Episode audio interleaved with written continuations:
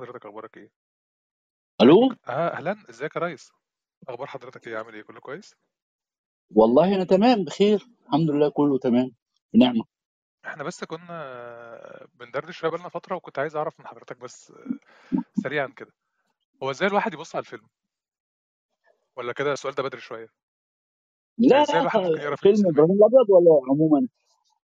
لا هو عموما أنا بعد كده نخش على إبراهيم الأبيض بس إزاي الواحد يقرأ فيلم؟ يعني الناس بتتفرج على أفلام وبعدين بتقرا مثلا أنا أنا قريت الكتاب بتاع بتاع حضرتك كده مثلا مرة واتنين كل مرة كنت. بقراه كنت بحس إن أنا محتاج أرجع أبص تاني. هو أنا إزاي ما خدتش بالي من كل التفاصيل دي؟ يعني إزاي ما خدتش بالي من إن المخرج كان عايز يعمل كده وكان عايز يعني إزاي ما خدتش بالي من الكلام ده؟ الأول خلينا نتفق على حاجة. عشان الكتاب ده بألف مشهد ومشهد ده قرايتي لأفلام لبعض الأفلام يعني. فخلينا نفرق بين المعلومات والرؤى. المعلومات معلومات بتحصل عليها بالبحث أو بالاتصال المباشر أو أو أو إلى آخره. إنما الرؤى دي مش خاصة بس بالأفلام. العالم كله من حوالينا هو دوال. أي حاجة في الدنيا هي دوال دال. والدال له مدلول في مدلول. الدال بيقول لنا حاجة. أنت النهارده ماشي في الشارع بتشوف عربية. العربية دي مثلا بيضة وفيها شريط اسود ده يبقى تاكسي وعليها نمر مش عارف إيه. ما كل دي دوال بتقول لي إنه ده تاكسي فينفع أشاور له و... وكذا. فتعود المخ على قراءة المعطيات وعلى قراءة الواقع وعلى قراءة اللي حواليه بيساعده في إنه يقرأ الأفلام وفي إنه يقرأ الأغنيات اللي بيسمعها وفي إنه حتى في الكورة يقرأ الماتشات. وقد تكون القراءة تمام وقد تكون لأ. يعني ممكن أنا أقعد أقرأ فأشوف فيلم وبعدين يتهيأ لي حسب قراءتي وحسب اللي أنا هاجي أقول مصادرها فيتهيأ لي كذا بس هو لأ مش ده مش حاصل أصلا. دي حاجات تخيلات في ذهني أنا بس. وليكن مفيش مشكلة. يعني هو في الآخر إحنا مش عايزين نصل إلى الحقيقة. في قراءات مفيش قراءات صحيحة وقراءات خطأ. في قراءات غنية وثرية وفي قراءات آه، فقيرة أو سطحية وإلى آخره. آه، مصادر إنك أنت تجيد قراءة ال- العالم يعني من من من حواليك بيجي من المعرفة. المعرفة آه، بالتعامل معها كما وكيفا. كما إنه يبقى عندك معارف كتير. لما بيبقى عندك معارف كتير من مجالات مختلفة الأمور بتوصل لبعض. ثم إنك ترتبها. وأنا مش عايز أدعي يعني إن أنا في الآخر عندي هذه ال ال- ال- القدرة ال- بس هو في الآخر يعني أنا عشت سنين طويلة و وكنت مهتم بفكرة تراكم المعرفة ك- كما وترتيبها كيفا. فالواحد يعني اتعود إنه لما يشوف حاجة يدقق في تفاصيلها ويحاول يقرأ هي بتقول لنا إيه؟ يعني ده باختصار يعني. خلينا نتكلم على إبراهيم الأبيض. الفيلم ده ليه قصة طويلة قوي بص أنا أنا ليه اخترت إبراهيم الأبيض؟ عشان آه، أست- أتكلم عنه باستفاضة آه، شديدة زي ما حصل في الكتاب.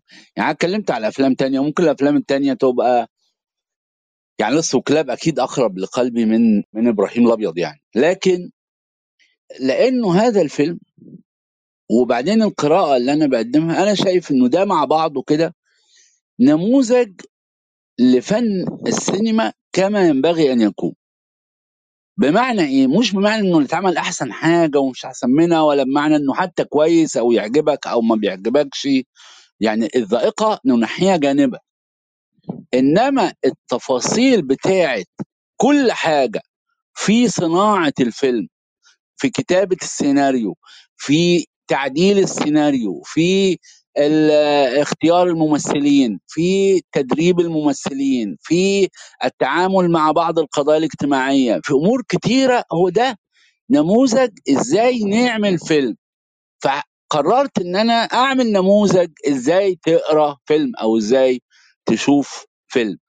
فهو آه، آه، إبراهيم الأبيض هو اللي متحقق فيه العناصر دي. يعني ممكن يبقى في فيلم تاني أجمل أفضل آه، ادفى لكن مفيش فيلم على الأقل في ال 20 سنة الأخيرة عمل كل اللي أنا بتكلم عنه ده وده بان من التفاصيل اللي أنا ذكرتها في الكتاب. ثم إنه كمان أنا كنت محظوظ إن أنا كان موقعي قريب من صناعة الفيلم عموما. يعني إنه بعرف آه، طبعا أقرب حد ليا في من صناع الفيلم صفي الدين محمود هو أخوي الكبير يعني اللي هو المخرج المنفذ أو مساعد المخرج ومروان حامد بعرفه كويس وعباس كان صديق فترة يعني لفترة وسيد رجب ويعني ففي الآخر كنت قريب من تحضيرات فكمان ده امدني بفيض من المعلومات امكنني أستخدمها بالطريقة اللي أنت شفتها في الكتاب.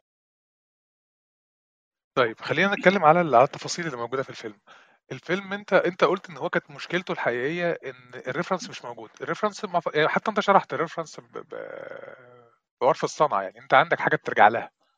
انت قلت على إبراهيم إن هو ملوش reference آه مظبوط. بص يا صديقي دلوقتي تقريبا مفيش عمل خصوصا في السينما والدراما في التلفزيون مش عمل مصري بيتعمل من غير reference يعني إيه reference يعني حاجة نرجع لها ونبقى يعني زي ما واضح من اسمها تبقى هي دي مرجعنا. طبعا في ناس ال reference بالنسبة لها هي بتاخده تنقشه زي ما هو كده وبتاع وحاجة. في ناس بتعمل كده لكن في ناس لأ. هي بيبقى في ذهنها ال reference وبعدين تشتغل أو تحط بصمتها أو أو أو تضيف. وبالمناسبة ده يعني مش بس مش عيب ده بقى هو أصلا طول الوقت rule من ال rules بتاعة صناعة الدراما في مصر ويمكن كمان الأغاني. يعني عارفين طبعا ان محمد عبد الوهاب حتى مثلا كموسيقار معظم ألحانه يعني ليها reference مش مش عايز أتعرض لفكرة مسروقة أو غيرها بس ليها reference هو يعني الجملة دي البتاع ده هو ال- الأغنية دي هو اللي هيرجع لها وبعدين هيعمل صياغته هو ليها في السياق اللي هو عايز. آه، ي- ي- يخلقه إبراهيم الأبيض ما كانش كده خالص وما كانش كده مش لأن هم قرروا يعملوا حاجة من بنات أف... يعني ال- ال- كل العناصر قررت تعمل حاجة بقى original من بنات أفكار. لا هو لأنه ما فيش يعني فيش إمكانية ل reference بمعنى إنه أنت عايز تتناول عالم العشوائيات و إلى إلى آخره. وأنت مش تتناوله بمعنى إنك أنت إنه فيلم عن العشوائيات لا هو مش فيلم عن العشوائيات زي ما أنا قلت إنما هو متكئ على على عالم العشوائيات اللي كان بيئة حاضنة للأسطورة. فأنت عايز تعمل ال ال عالم ال ال العشوائيات ده والخناقات. وهو ما فيش في الأفلام الأجنبية خناقات كده. يعني بالأسلحة دي وبال ويبقى فيها عصي زي اللي استخدمها سيد رجب ويبقى فيها ما فيش. والسينما المصرية ما عملتش حاجة زي كده قبل كده و- يعني فما فيش reference ودي كان أول جملة يمكن يقولها مروان لصفي مروان حامد لصفي الدين محمود. قال له عندنا فيلم بلا reference فإحنا يعني هنشتغل على هذا الأساس. لكن هم طلعوا حاجة الحقيقة اوريجينال وحلوه خالص يعني بالنسبة لي يعني. طيب آه، الفكرة إن هو التفاصيل يعني الف- الفيلم في كذا حد قال إن هو إبراهيم الأبيض. أنا فاكر إن كان في حد حتى أنت حكيت عن عن حد راح قال إن هو إحنا بنتكلم على أخوه. فهو هو عمل الشخصية إزاي؟ يعني هو رجع إزاي؟ يعني أبو الحسن عمل الشخصية دي إزاي؟ عارف جحا؟ آه جحا. مجنون ليلى. دي مش شخصيات. حتى لو في شخصية اسمها جحا فعلا أو في شخصية اسمها قيس بن الملوح فعلا فدي مش شخصيات. إنما دي بتبقى متكأ للحواديت.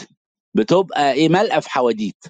أي واحد عنده نكتة حلوة يبقى إيه جحا. مرة جحا قال مرة جحا راح يسوق مرة جحا أو إنه قيس. مرة كان قيس معدي جنب بيت ليلى ف آه وطبعا كل ده ملوش علاقة بقيس. فهو إبراهيم الأبيض في أواخر التسعينات وفي التسعينات يعني كان اسم ده بيتردد في الأبجية لكن مفيش حد ممسوك معروف اسمه إبراهيم الابيض بالعكس ده في يمكن خمسة إبراهيم الابيض أو يعني آه آه يعني مختلفين. وهو عباس أبو الحسن لما كان عايز يعمل الفيلم ده طبعا ده أول فكرة كان عايز يعملها.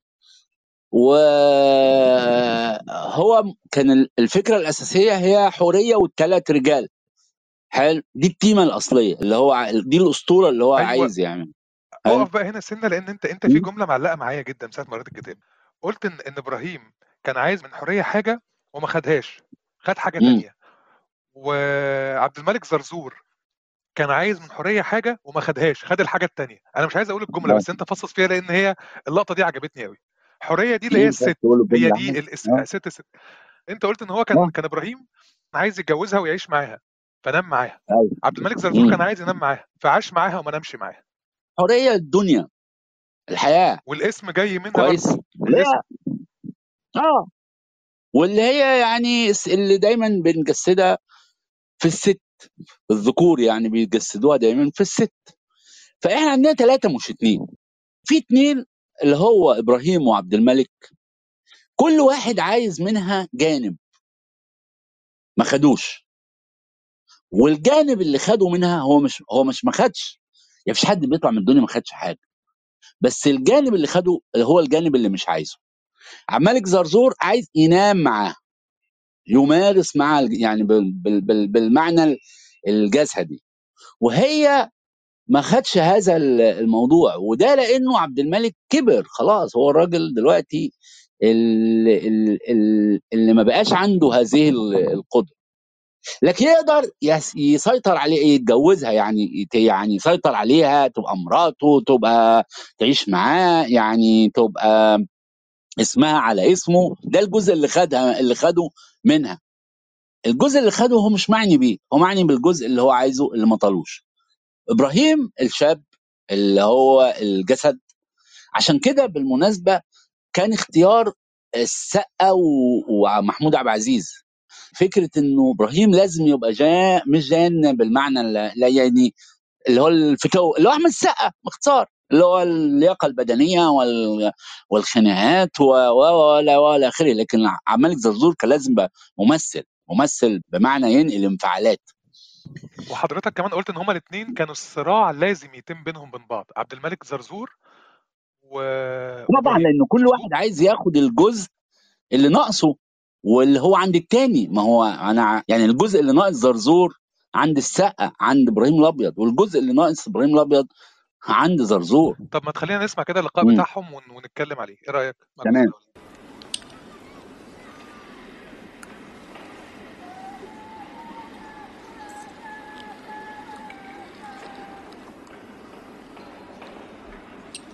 أنا حييتك تاني. غشيم زيك تن روحك طلعت من ياما. اتكلم وحق ما يتسلب مني. مش طلعت روح برضك؟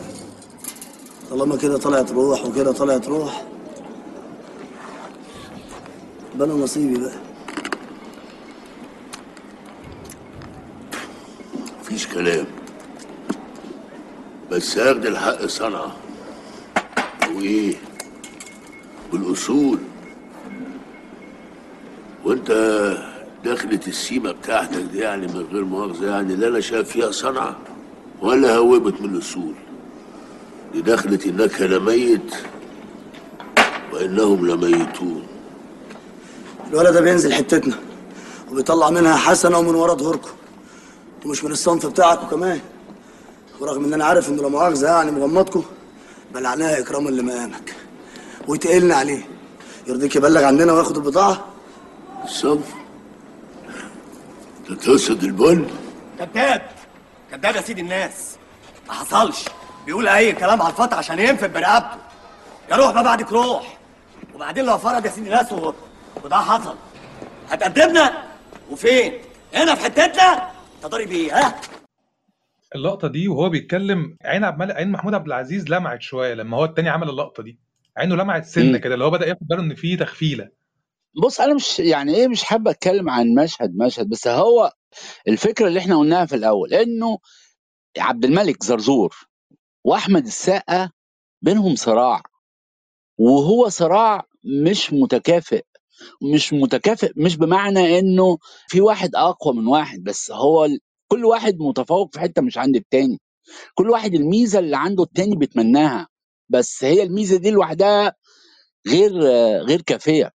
ما هو أحمد السقا كان ممكن يروح ل... اللي هو إبراهيم الأبيض كان ممكن يروح لعبد الملك زرزور مباشرة من غير ما كل دخلة السيما دي اللي هو بيقول أيوه عليها. بس بس أنت قلت كان لازم يروح له وهو كده. ليه بقى؟ ما يروح يقول أنا أنا اتسرقت عندك في المنطقة وأنت الكبير فهات لي حقي. ليه لازم يخش لأن هو هو لأن هو مش مش قصته كيس البتاع ده اللي هو هيعرف يجيب ثمنه من أي حتة تاني.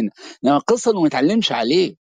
فعشان ما يتعلمش عليه عشان ما يستضعفش عشان ما يقعش تحت السطوة اللي بيمتلكوها الزرازير تحت قيادة عبد الملك زرزور لازم يقول لهم لا ده أنا عظمة ناشفة.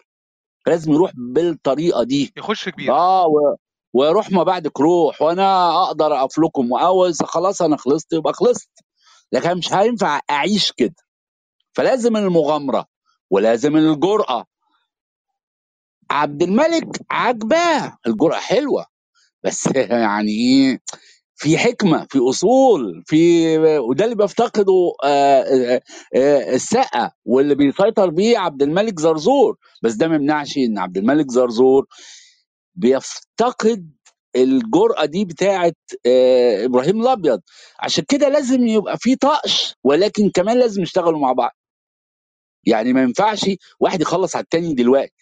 يعني لا كان ينفع انه احمد السقا يروح معلم عليهم بالكامل لأن ده طبعا يعني حتى غير ممكن ولا كان ينفع إنه آه، زرزور يروح مطلع آه، بتاع ويضربوا بيه وخلاص تبقى خلصت ال- ال- ال- القصة كده. ما ينفع مش عشان القصة تكمل لكن عشان كده زرزور مش هيبقى انتصر. انتصاره إنه يطوع الجرأة دي ويمتلكها هو كمان ضمن ما يمتلكه. ومن هنا تبدأ الأحداث. وهو كمان في فهو مشهد أعتقد لما قال له لما قال له لو في نخلة كبرت في بيتك ورعرعت هو نفس المشهد كمالة كمالة المشهد. صحيح. لما بقول له يابا كده بقى تفينا في حبنا قال له نخلة وطرعة تقطعها ولا تستنى لما تجيب ثمرة وبعدين تبقى يعني تشوف قصتك معاها. هي دي فكرة عايز يسيطر عليه. هو ده الانتصار. مش انه الانتصار يزيحه من ال... لأن هو ما عندوش وزن في السوق. زي الزرازير فبالتالي هو مش منافس ازاحته ما لا تمثل انتصارا الانتصار إنه يسيطر عليه إنه يستغله إنه يا يا يا ياخد خيره. فشغله معاه. ولكن في نقطة الصراع اللي هي حرية. بس خد بالك إحنا عمالين نتكلم في كل ده وما جبناش سيرة عشري. عشري صاحب صاحبه. لأنه عشري هو بيحتقر حرية أساسا. لكن رغم إنه بيحتقر حرية مفيش ما يمنع إنه يرغب فيها. بس هي بتاعت صاحبه حرية يا إبراهيم. فعشري ده مسألة وجودية كبيرة جدا. عشري هو المحب الأكبر في الحدوتة كلها ومش بيحب حرية بيحب إبراهيم. لأن حب حتى ما فيهوش أنا عايز حاجة من إبراهيم. لا الحب اللي هو الحب. هو بيحب إبراهيم. فشل في إنه يحب إبراهيم فشل في إنه يخون إبراهيم فشل في ي- يزهد في حرية وفشل في إنه ينالها برضه وفشل في إنه حتى ينتحر. وأنا بشوف إنه الأغلب عشري مش إبراهيم ولا زرزور. زرزور وإبراهيم دول استثناءات. إنما عشري هو سواد الناس. طب هو حتى في المشهد بتاع خيانته ده برضه غريب شوية يعني هو بيخونه عشان خاطر يعيش. يعني اللقطة بتاعت كنبتك حلوة يا عشري وبعتني بكام؟ آه. تحس كده إن في إن في علاقة اللي هو أنا أنا بعمل كده لمصلحتك يعني هو هو هو من كتر ما بيحبه حتى لما خان حورية لما خانه مع حورية هو بيعمل كده لأن هو ما فيش حاجة تانية. فأنت بتتكلم عن شخصية عشري إن هي الشخصية العادية الشخصية اللي هي الكائن العادي لا هو بطل ولا هو من الزرازير لا هو حكيم ولا هو عنده جراءة صح؟ آه هو المواطن العادي اللي هو حتى مش نفسه في حاجة معينة. يعني ما عندوش هدف معين واضح زي يعني عبد الملك زرزور عنده رغبة ما وعنده قدرة ما. إبراهيم الأبيض عنده رغبة ما وعنده قدرة ما. عشري لا عنده رغبة محددة ولا عنده قدرة واضحة. فهو عشوائي. هو العشوائي هو فكرة العشوائية هي عشري نفسه. وعايز أقول لك إنه اللي اتحرك بالفيلم وكان بيروح بالشركات وكان م- أكتر واحد متحمس في كل صناع الفيلم عشان يتعمل كان عمرو واكد. عشان يعمل عشري لأنها شخصية الحقيقة كانت سريعة جدا جدا. هي كمان شخصية مركبة جدا يعني هو خان وبيحبه. وبعدين اللقطة بتاعت إبراهيم ما يخافش غير من الغشيم هو بيتكلم عنه. يعني هو اللي عامل الأسطورة بتاعت إبراهيم هو عشري يعني هو هو بيتكلم عليه هو بيتكلم على أسطورة يعني هو لما بيجي, بيجي يتكلم عليه في الأول وبيحكي عنه هو تقريبا البطل بتاع الفيلم. اللقطة حتى لما كان أيوه هو إحنا شايفين إبراهيم أصلا بعيون عشري. صحيح. يعني ما أنت لما بتختار الراوي تختار الراوي اللي هو حي... حي... آه، حتى اللي بيعمل الناريشن انت كده اخترت مش بس راوي اخترت عين. ما هو انت شايف الأمور بعينه هو. يعني ما هوش راوي عليم بيحكي إنه آه، يا سادة يا كرام في في سنة كذا كان في بطل. لا ده هو إحنا شايفين إبراهيم أصلا بعيون عشري. وإعجابنا بإبراهيم إذا حصل يعني هيبقى ناتج من إعجاب عشري بيه. وتقييمنا لإبراهيم هيبقى ناتج من تقييم عشري ليه. فعشري لا شك ان هو بيحب إبراهيم ولا شك في إنه آه يعني هو دي رغبته الوحيدة الواضحة هو صداقته بإبراهيم هو ما قدرش يحافظ عليها لا قدر يحافظ عليها في إنه يمنع نفسه عن إنه يحاول يتحرش أو يغتصب حورية ولا قدر في إنه يتجنب موضوع إنه يشي بيه. هو ما وشاش بيه على فكرة بال 5000 جنيه خالص. هو وشى بيه لما هو قابل حورية وقال لها أنا مش ممكن أخون إبراهيم؟ قالت له أنت خنت إبراهيم بالفعل. خلاص. فهو عمل كده عشان إبراهيم يعيش. لأنه هو لو ما سلمش إبراهيم ما كانش هيعرف هو يعيش معاه. ما كان يعني ما ك- ما كانتش الحكاية هتكمل زي ما هي ماشية. الحكاية اتشرخت خلاص اتكسرت. فتخلد. إنما هو مش عشان ال 5000 جنيه. هو يعني إن كان عليه ما كانش عايز ياخدهم. ولذلك حاول ينتحر بعديها بس هو حتى في الانتحار فاشل. بعتني بكام يا صاحبي.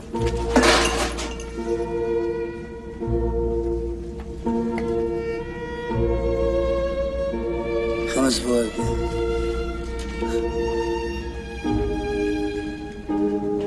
بس. تصدق أزعل منك شوي. خمس فواكه شوية على إبراهيم الابيض يا عشري الجملة دي كمان عبقرية. هو مش متضايق إن هو باع هو متضايق إن هو باعه بالرخيص. آه بس دي دي ال- الفكرة الفكرة دي مش اوريجينال في الفيلم. يعني هو المواويل الشعبية هو الحتة دي إيه؟ مستلهمة كتير من عالم ال- القصص الشعبية والمواويل الشعبية. يعني هو ده نسخة 2009 من آه، بدران.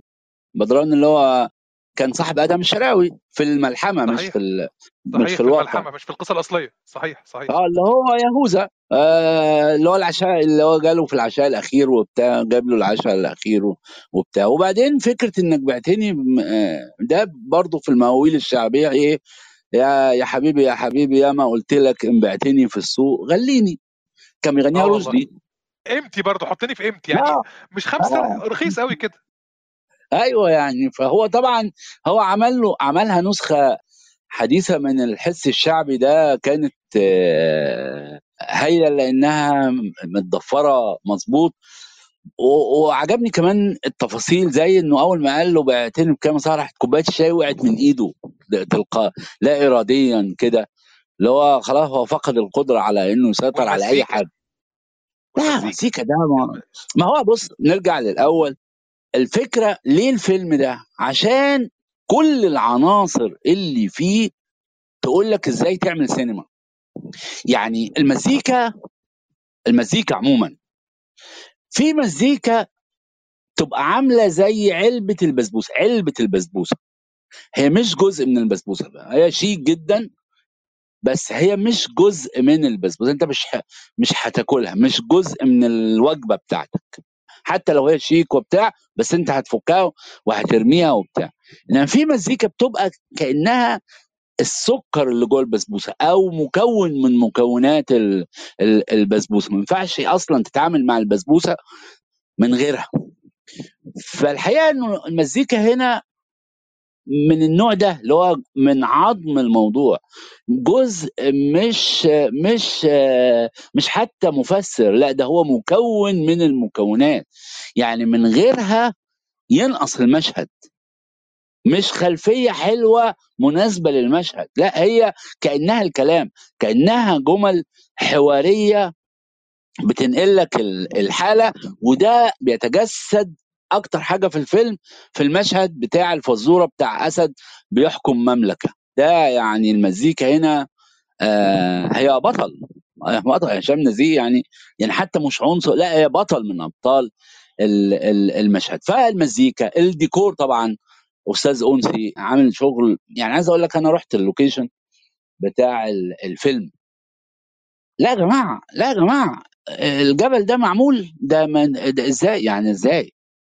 عامل جبل. انت متخيل حضرتك الجبل اللي كانوا في المشهد بتاع زرزور والأبيض في, في أول الفيلم كانوا فوق, جبل. الجبل ده معمول خيش وخشب وبتاع وحاجات عاملة أنثى بوسيف يعني مش آه، مش جبل بجد.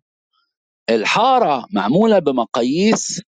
وبعدين الفكرة مش بس في الشطارة في إنه يعمل لك محاكاة لكن كمان إنها تقول حاجة. يعني إحنا هنلاقي إنه زرزور اللي هو فيه في ألوهية في حتة ألوهية كده قاعد فوق بيراقب الحاجات وبيسيطر عليها وإلى آخره فهو فوق جبل لازم. أستاذ أنسي أنا عرفت إنه أستاذ أنسي. فأول مرة راح أول يوم راح اللوكيشن فهو بيشرح هو ناوي يعمل إيه فقال لهم إيه بصوا إحنا هنعمل هنا إيه وهنعمل إيه وهنعمل هنا جبل. فكل فين؟ اللي هو إيه ده؟ إيه يعني يعني إيه هنعمل جبل؟ في حاجة اسمها كده؟ أش لا لا أسكت بس أنا ه- يعني إيه هظبط لك القصة دي. لكن مش بس ده هو فوق الجبل عشان شخصية زرزور وعشان كمان الناحية الثانية المقابلة ليه حوريه اللي هي ساكنة في الدور مش في التا الرابع ولا التالت تبقى مقابلة له فتبقى آآ آآ على مستواه المكير. مش زي بقية ال- ال- الحاجات إنه كل فنان معاه مكير بتاعه وهو هيظبط له الشخصية زي ما هي مكتوبة. لا كان في دومينيك دومينيك كولادا الفرنساوي ده وكان لما هو اشتغل معاهم في الفيلم كان شرطه الأول عشان يشتغل في القصة دي محدش يجي يقول لي عندنا تصوير النهارده في واحد مثلا مجروح مش اسمها كده. تديني وقتي. علشان كل حاجة وليها حاجة زي ما هو معروف. كل حاجة هتتعمل بطريقة عشان تقول حاجة. يعني في الأفلام وفي المسلسلات عادة تشوف الشخص الشقي بقى البلطجي اللي بتاع تلاقيه واخد إيه بشله في وشه. المتصل بهذا العالم يعرف كويس إنه أو حتى من بعيد لبعيد يعرف كويس إنه ما ينفعش تبقى متعور في وشك وليك لازمة. ما ينفعش ما ينفعش يبقى زعيم الليلة أو البتاع واخد بشله في وشه لأنه الجرح في الوش ما فيش معلش تمام؟ أنت كده خلاص. اتعلم عليك. فمين اللي اتعلم عليك. مين اللي اتعور آه اتعلم عليك. و- وفي تعليم عليك وفي تعليمك. خد بالك صحيح لأنه كل صحيح. ضربة وليها ضربة آه. قال له لا كانوا بيعلموا عليه ولا بيعلموه. كويس كل ضربة ليها كذا. مين في الفيلم اللي كان واخد آه بشله في وشه. نضال الشافعي فنان اللي هو أتفه واحد وأقل واحد اللي بيلد ثلاث النسوان اللي هو في الآخر اتكرى من الجرح علشان يتخلص من إبراهيم. فكانت النتيجة إنه زرزور حتى ما رضيش يصلي عليه صلاة الجنازة واكتفى بالفتح. قال كفاية الفتح. اللي هو الأقل ذكرى. فده اللي واخد البشلة اللي هي من شفته لودنه. لكن الجروح التانية مختلفة اللي في راسه اللي مش عارف إيه اللي اللي اللي وكمان في جروح بتدي معاني أعمق من فكرة إنها تبقى مناسبة للشخصية زي الجرح اللي عمله آه، آه، عشري لنفسه لما هو حب يشاور آه قدام المراية المصدية دي وكده. ده ده دي قصيدة مش مش جرح. فهو حاجة رومانتيكية جدا. فالمكير ال- الح- ال- ال- الحركة أندرو ماكنزي الحركة كانت معمولة آه، برضو بحساب بعيدا عن الشركة المنتجة راحوا جابوا عدد من الفتوات وقعدوا يسمعوا منهم. ويسألوهم ويعرفوا هم كذا. لفترة طويلة ثم عملوا معسكر في النادي السويسري اللي في الكتكات للتدريب على المعارك ثم كل واحد طريقته في المعارك تقول شخصيته. يعني سراج اللي هو سيد رجب. ما هو لما راح ما كانش فيه في السيناريو حاجة تقول إنه آه لابس إيه ولا مش لابس إيه هو بيتعارك.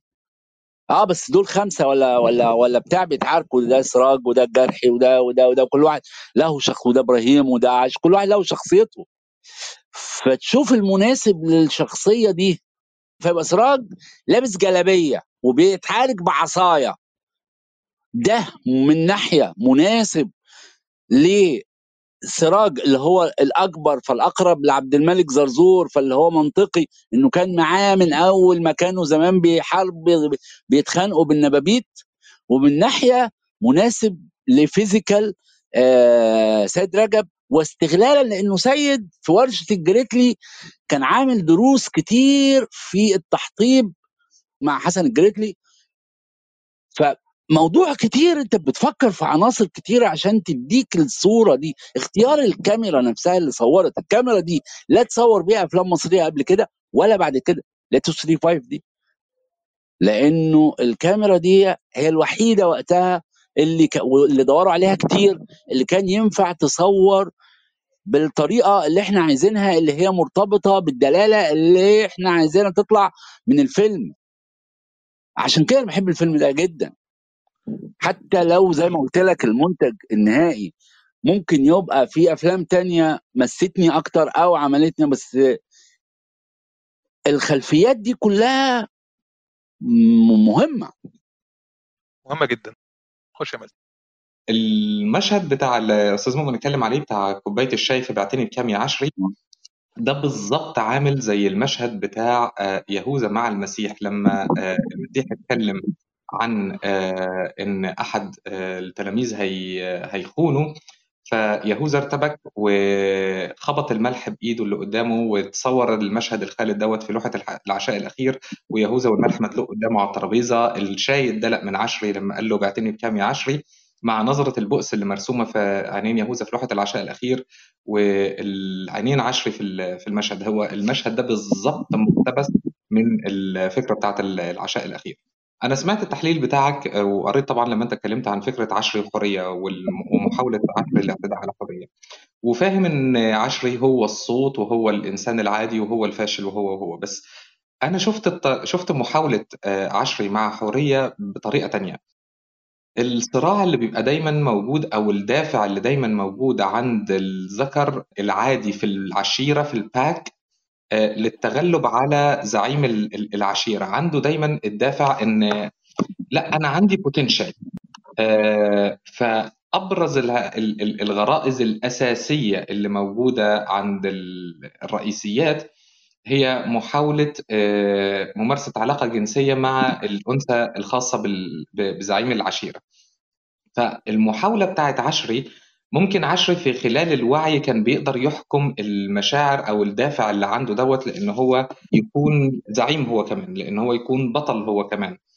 آه، ما يكونش طول الوقت تحت جناح إبراهيم. بس الكحول اللي هو شربه آه، وإزاي الكحول ممكن يكون ليه تأثير إن هو يكبر أو يطلق العنان للمشاعر الفرد الفردية وان اي كان أنا أقدر.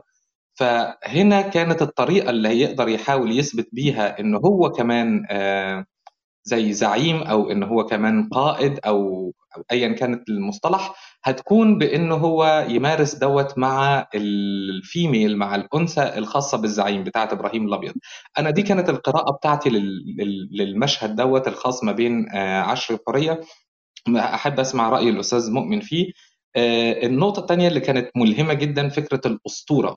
فكرة ترسيخ الأسطورة بانت جدا في المشهد بعد الخناقة مع الزرازير وبعد ما طلع عند عبد الملك زرزور وهو نازل. العيال الصغيرة اللي كانوا في الحارة إزاي هم كانوا آه، بيمثلوا نفس الخناقة اللي حصلت قدام عينيهم وإزاي فيهم ناس ملفين برضو الجاكيت على دراعهم زي ما إبراهيم. يعني ال- ال- اللي هو عمله دوت رسخ بالفعل أسطورة هتبتدي الأجيال اللي بعد كده إن هي آه، تحاول إن هي تتناقلها. فمشهد ال- ال- أو رؤية ال- الموضوع الأسطورة كانت واضحة جدا في مشهد ال- العيال الصغيرة بعد الخناقه ما وأنا بس هستأذن أستاذ مؤمن في آه، حاجة. أنا أنا تقريبا بيجي لي كمية أسئلة طويلة جدا ال back channel معلق فهحط link طيب الأسئلة على التليجرام. لا لا لا خالص. عن رأيه في موضوع عصري. السؤال الثاني بره الفيلم. السؤال الثاني زمان كان في عندنا ممثلين في مصر بيشتغلوا على الشخصية وعلى الماضي بتاع الشخصية اللي ممكن يؤدي بيها لدوت وبيذاكروا ده وبيكتبوه. على سبيل المثال نور الشريف في فيلم العار الحركة اللي كان بيعملها بكتافه آه، كل ما كل شوية وهو لابس البدلة لما نور الشريف شرح وقال إن هو في الأساس معلم بيبقى لابس جلابية كم الجلابية وهو بياكل فلازم يمد إيديه الاثنين لقدام علشان يشمر كمه بطريقة معينة فوهو لابس البدلة بقت دي حركة فهو اقتبس الحركة ديت وابتدى يعملها. مين النهارده من الممثلين اللي عايشين بيشتغل الشغل ده على الشخصية إن هو يشوف الشخصية دي الماضي بتاعها كان إيه المصطلحات بتاعتها كان إيه كان عايش فين إيه حركته هتبقى إزاي مين عايش النهارده من الممثلين بيعمل ال- الهوم ورك دوت؟ آه، طب هبدأ بالسؤال الأخير آه لا كت- كتير بس هو الموضوع يعني ماجد الكدواني بيعمل كده عمرو سعد بيعمل كده دول اللي أنا شفتهم. اتعاملت معاهم مباشرة بي- بيعملوا لا و... لا وشفت أنا خايف أكون ناسي حد لا كتير بيعملوا كده بس هي الموضوع مش متوقف بس على الممثل وإنه يعمل كده ولا ما يعملش كده ولا على إنه كذا إنما على ظروف ال- العمل ككل على ظروف العمل وظروف إنتاجه وظروف تصويره وهيتصور إمتى وهيتصور إزاي و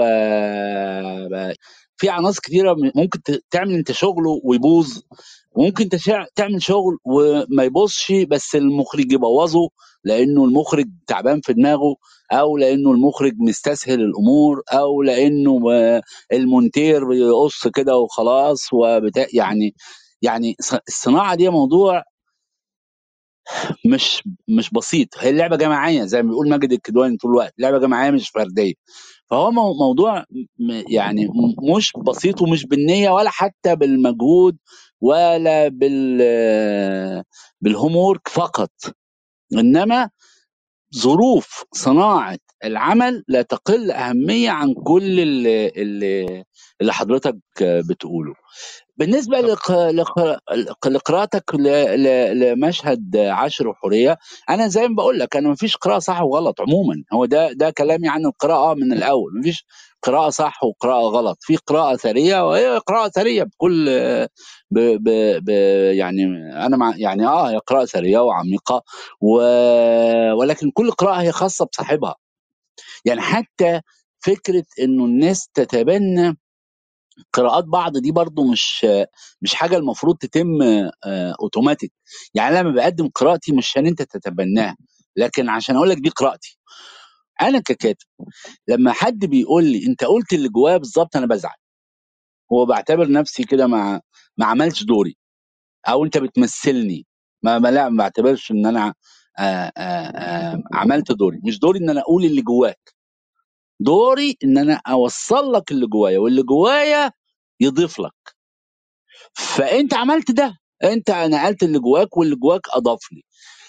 أنا ببقى حذر شوية في تبني القراءات ال- التانية.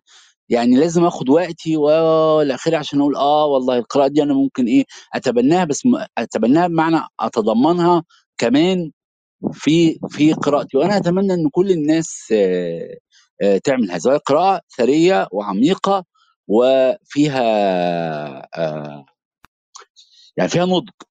العشاء الأخير آه، متى؟ يعني تمام هو طبعا ده صحيح هو العشاء الأخير استلهمت بكل الأشكال يعني حتى في الفيلم بتاع أحمر شفايف برضه أنا كاتب عنه في الكتاب ده كان صريح يعني. يعني وليد الدين سامع عملها صراحة مائدة وعشاء والعشاء الأخير وكله يعني فهي هي لا هي مستلهمة في في في أعمال كتير اتفضل أنا آسف طولت. لا لا لا خالص بالعكس. كان في حد صديق بعت لي بيقول ليه دور مهدي بدور اتشال؟ وباسم سمره ما فضلوش غير مشهد البداية.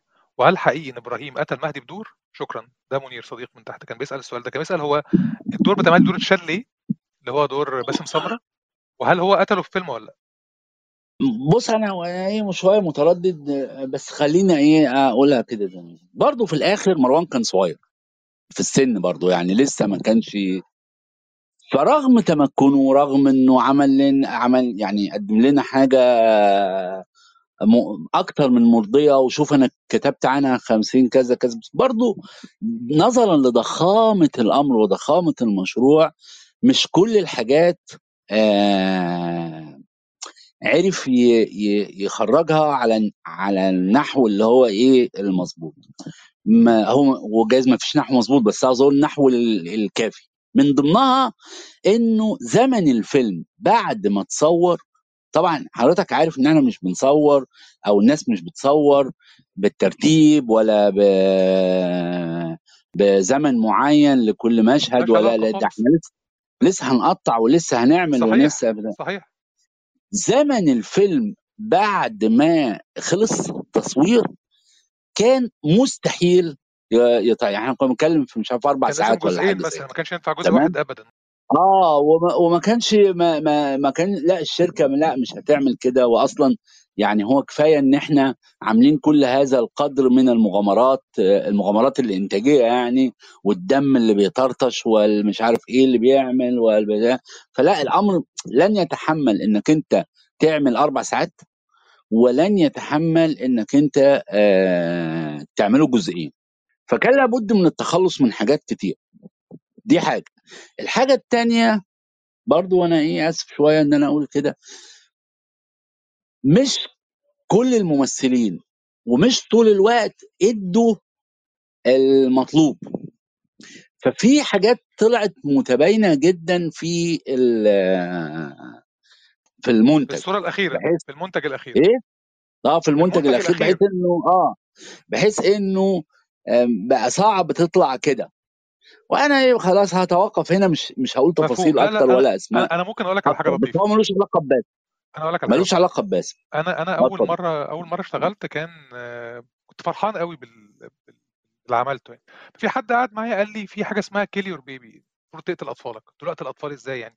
قال أنت لما بتصور مشهد بتعتبره ابنك ما ينفعش تلبس كل الهدوم وأنت نازل. لما تيجي تبني فيلم مش هينفع تاخد. كل حاجة حلوة. أنت هتاخد حاجة واحدة هنشتغل عليها. الباقي ده هتموته. فلازم تتعلم لو انت هتبقى مخرج انك تقتل الأطفال تقتل الناس دي يعني مش مش كل الصور هينفع تتركب مش كل الشخصيات الحلوة ممكن يبقى حاجة بره الإطار هي حلوة قوي بس بره الإطار. فيمكن هو ده ال- ال- اللي كان المنتج النهائي بس باسم ممثل عظيم طبعا لا لا مش خاص بباسم مش خاص بس خاص خاص بشخصية تاني في خط باسم ما كانتش خالص بره يعني كانت بره الموضوع خالص. فهو نتيجة حاجات كتير نتيجة ضخامة العمل في حاجات كتير ما ز... يعني ما ظبطتش فكان لازم تضحي بحاجات آه، وت- وتبدأ تشيلها. فخط مهدي بدور ده كان خط كامل بأحداث بتفاصيل بناس بقصص وفي الآخر هو قتله. طبعا آه، هو كمان أقول لك حاجة هو مش قتله هو مشهد مشهد مهدي بدور اللي هو اتشال ده ال- ال- المشهد الشهير في نهاية قصة مهدي بدور كانت كالآتي. هو نرجس فرح يوسف. هي دي مين؟ ما هو ده ما بانش في في الفيلم بعد ما اتقصص. دي بنت مهدي بدور. فرح يوسف اللي ظهرت في مشهد وهو رايح للزرازير دي المفروض بنت مهدي بدور. ومهدي بدور هو اللي قتل أبوه. فهو هيصاحب بنت مهدي. والأمور هتتطور وهيحصل أحداث كتير وفي الآخر هيبقى هو ومهدي فوق السطح. فوق سطح من الأسطح. ومهدي هيتعلق في إبراهيم هيبقى متعلق في إبراهيم. إذا ساب إيد إبراهيم هيقع. بس هو مهدي ما كانش عارف مين ده. مش عارف مين الواد الشيطان ده العفريت اللي طالع ده. فإبراهيم في اللحظة دي هيقول له إن هو إبراهيم ابن الراجل اللي كذا وكذا وكذا وكذا وكذا. وإبراهيم يبقى عايز ينقذه. فهو يفضل إنه يموت على إنه الواد ده هو اللي ينقذه فيسيب إيده وينزل مش شايف من الدور الكام على الأرض. وباسم عمل المشهد ده ووقع ونط فعلا من مش عارف الدور السادس ولا إيه. طبعا متعلق بجنش بس يعني فيها مغامرة. وده اللي زعل باسم سمرة. يعني قال له أنا أطلع أتعلق في جنش وأنزل وأنط من الدور السادس. وانت بتشيل المشهد يعني كده اللي هو ك- يعني عارف انت لأ أكيد في حاجة أكبر من إنه المشهد مع أو الخط مع فبدأ إيه ي يربّط الأمور وإنه السقا قال وإنه مش عارف إيه مين إيه، وهُم كانوا خايفين إنه باسم ياكله في ال يعني كل الحاجات مفهوم، اللي. قالها باسم اللي هي ربما ما ما تكونش ما يعني كانت حاصلة في في الموضوع. هو لأ، هو طبعًا قتل م مش قتل مهدي، يعني هو حصل زي ما أنا قُلت لك كده. فإنما دي كانت قصة جانبية كتيرة، وفي حاجات كتيرة اتشال يعني مع عبد الملك زرزور في المشهد بتاع آآ أبو الأصول إحنا هناخد صورة للذكرى، عبد الملك بيقول بعديها مونولوج هايل اتشال برضه. أحمد رزق كان ليه مشهد آآ كبير آآ وكان في كلام بقى عن الحروب القديمة والكفار والمسلمين الأوائل ويعني إسقاطات كده، برضه ده اتصوّر مش إن اتشال بس اتصوّر واتشال، حاجات كتيرة اتشالت من الفيلم. طب إحنا نسمع مشهد بس وبعد كده نرجع تاني. دي دواخلك ما تستوقفنيش لكن اللي يهمني يا غالي هو لو أنت جيت فكرت في يوم وتسيب شغلي أنت ما سألتنيش لكن أنا هقول لك أنا اخترتك ليه؟ لأن الراجل اللي هيصون أسرار شغل سيده يبقى أنا ماليش سيد. رغم إنك مفارق سيدك ومش راجع. أنا لما حاولت أنا ماليش سيد. ماليش سيد. لما حاولت أسرسب منك معلومة قطمت. ولما ضغطت عليك أكتر توهت. أهم حاجة يكون السر بيناتنا ويندفن معانا. بس أنا ليا شرطين. أولهم مالكش حماية عندي. يعني بضاعة وفلوس وسر مدفون رابطنا زي حبل الوريد. وتانيهم فزورة تحلها يعني هنتبسمل وتعتمد. لو ما حلتهاش يبقى مالكش مصلحة عندي. أسد يحكم مملكة. روحه في بيته اللي ما جابش غيرها. تقوم تتعطر في ضبع خسيس تهواه ويصير روحها فيه. روحه في بيته اللي ما جابش غيرها. تقوم تتعطر في ضبع الخسيس تقوم تتعطر في ضبع الخسيس تهواه ويصير روحها فيه. لو جابت منه سرية. هو نور عينها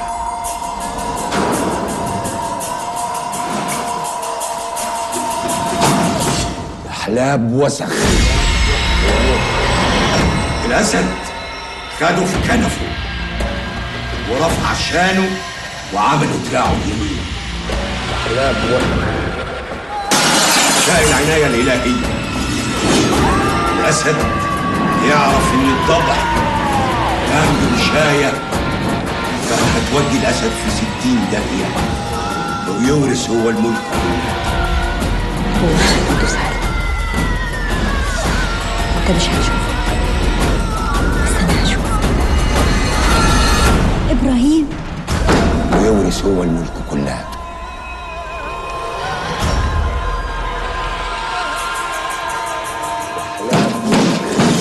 كان هتودي الأسد في ستين داهية. لا يقدر يقتله. ولا يقدر يسير.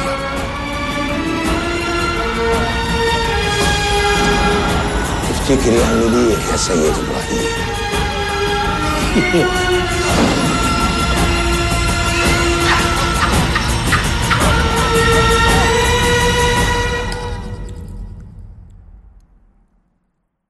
نقطع له لسانه. وعملها صاحبنا. عشري اللي كمل حدوته. وعملها صاحبنا. أيوه، إحنا طول الوقت طول الوقت بنشوف بعيون عشري، بس آآ ال أظن ال الفزورة وال والمشهد ده أنا متكلم عنه كتير في الكتاب، اللي هو آآ الراجل الفارس ده معلم زي عبد الملك زرزور يعني وكده وبتاع، وبعدين عنده مشكلة. بنته. إنه آآ هو بنته متجوزها حد آه. متجوزها واحد آآ ما حب بتحبه وبتاع وهي بنته دي الوحيدة، فماشي، قوم الواد لمّا دخل وسطهم عرف حاجات آآ معلومات اللت فيها يوديه في ده. الناس ما بت دي ما الناس ما بتعرفش تقرا وتكتب فما بتاع، بس المعلومات ما, ما ينفعش يفضل محتفظ بيها. وهو ما يقدرش يتخلص منه علشان البنت. فإيه بقى نعمل إيه في القصة دي؟ فدي الفزورة. فكان الحل نقطع له لسانه. نقطع له لسانه حرفيا يعني. تمام؟ لا وال... بس المشهد دحلاب وسخ دحلاب وسخ ال... آه. ال... ال... ال- التعبيرات وبيتك على المخارج. آه. في مسرح بيتعمل مش سينما.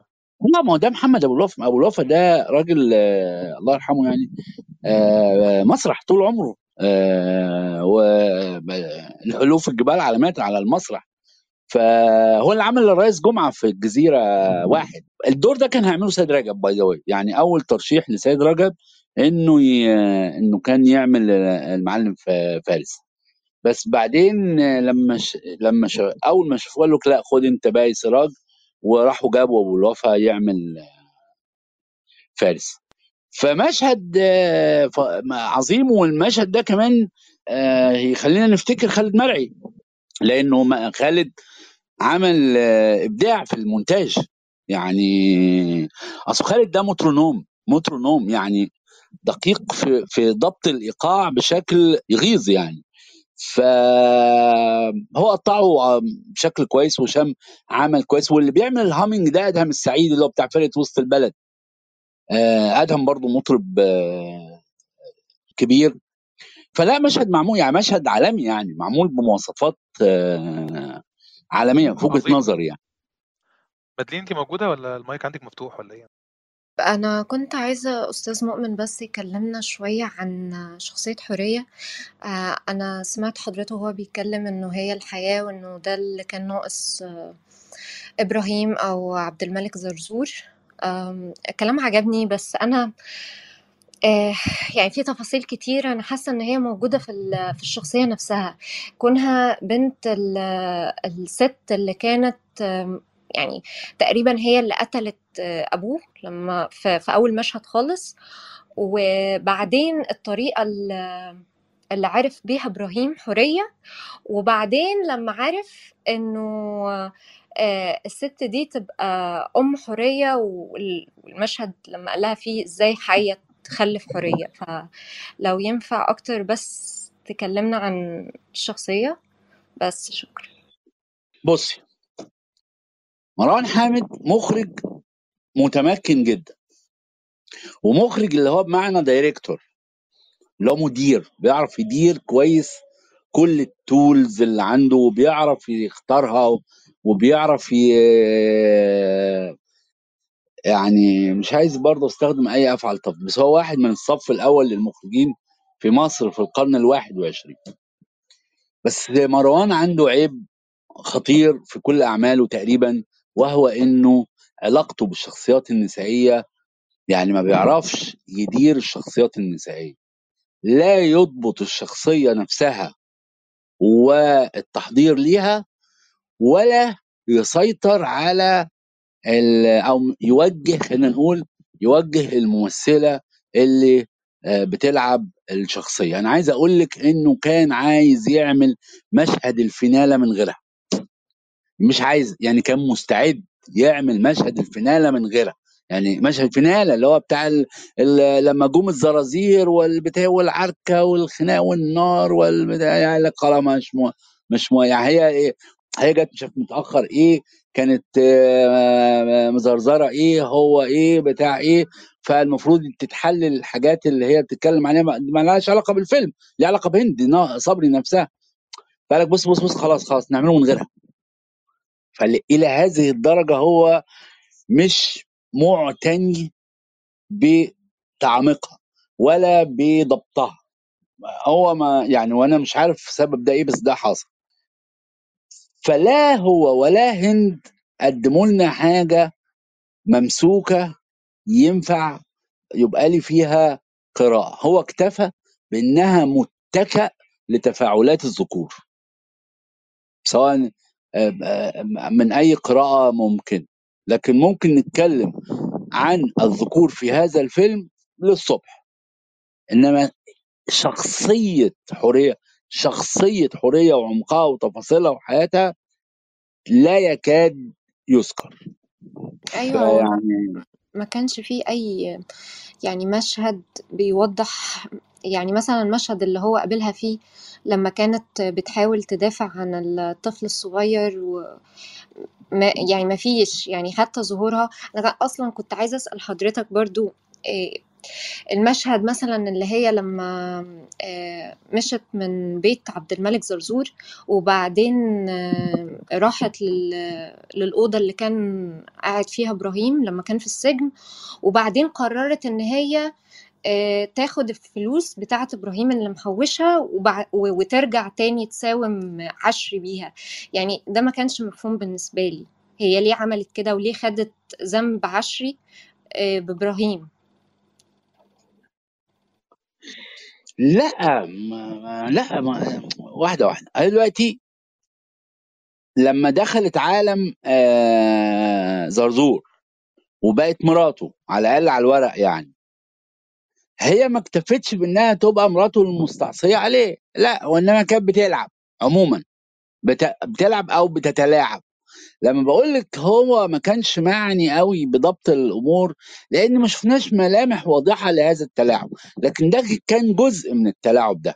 تمام؟ زي هي كانت عايزة تخلص من إبراهيم بقى خلاص وتخلص من القصة دي ولانها كمان الدبليكيشن ده عامل لها يعني فإحنا ما شفناش دوافعها يعني ما لا ما يعني دوافعها بالنسبة لي ما, كانتش واضحة. لكن اللي كان واضح إنها بقت متلاعبة بشكل عام وعايزة يبقى لها تدخل في في سير الأمور. فلما تدخلت بوظت كل حاجة بوظت كل العلاقات أساسا. طب هو كان ده مقصود؟ يعني هي حضرتك كنت بتقول من شوية إن هي كانت عايزة تنهي إبراهيم بس ده مش بيفسر ليه هي في الآخر جرت على إبراهيم ولما عبد الملك زرزور قال تو آه، آه، أهون عليك تهوني هو عليا. هو مش مقصود هو إهمال في ضبط. فأنا مش قادر أقول حاجات من عندي. يعني مش عايز مش قادر أفترض حاجات من عندي. هو ده كان المفروض ينضبط أكتر في العمل. فأنا أقدر أقراه. لكن هو قدمها زي نكش فراخ كده فأنت مش عارفة تفكي طلاسمه. بالإضافة إلى إنه برضو الحذف الكتير آه يمنعك من إنك تشوف حاجة واضحة. فلا أنت شايفها على الشاشة ولا هي باينة على الورق يعني فهو إهمال مش هو قاصد الغموض ده. لا هو إهمال فبالتالي ما يعني ما بقى ما ما بقاش في حاجة واضحة نتكلم عنها يعني. طيب شكرا جدا يا أستاذ مؤمن. طب عندي لا سؤال أنا عايز أتكلم. علشان ننزل بس يا نو بعد إذنك. آه، أستاذ مؤمن إحنا ليه ما بنشوفش في السينما المصرية فكرة ال director cut نسخة المخرج من الفيلم اللي ما بتكونش للعرض التجاري؟ يعني ليه ما حدش فكر من المخرجين المصريين؟ لأن في أفلام كتير زي زي إبراهيم الأبيض اللي فعلا في نسخ أطول منها هتدي آه، تفاصيل أكتر و already اتصورت. آه، ليه ليه التجربة دي ما بتتعملش في السينما المصرية؟ فكرة نسخة المخرج من الفيلم. إحنا بنغزل برجل حمار كل الأطراف وكل الحاجات يعني مش بتكلم على على على طرف آه، معين. السينما المصرية عندها إمكانيات كتير جدا فيما يخص الإمكانيات البشرية واللي بيسموه الايه الجزء الإبداعي في الموضوع.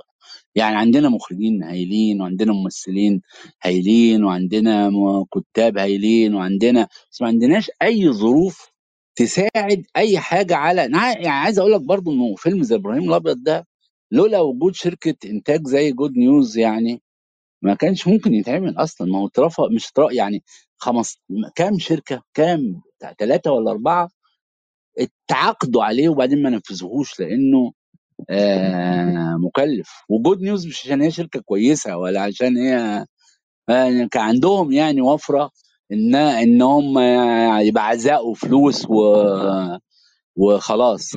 ودي حاجة حصلت كده في التاريخ باستثناء إنما هو إحنا بالعافية بن بن بنصور وبالعافية ما فيش locations ما فيش آه، مونتاج آه، نظيف أساسا ما فيش job description للناس المشاركين في العمل كله بيمد إيده ومد إيدك يا جدع وأنت معانا طب خد دي اعملها طب خدها اعملها أنا دي طب يعني مش عارف إيه عارف أنت ناس بتشتغل في ظروف آه، يعني صعبة الحقيقة.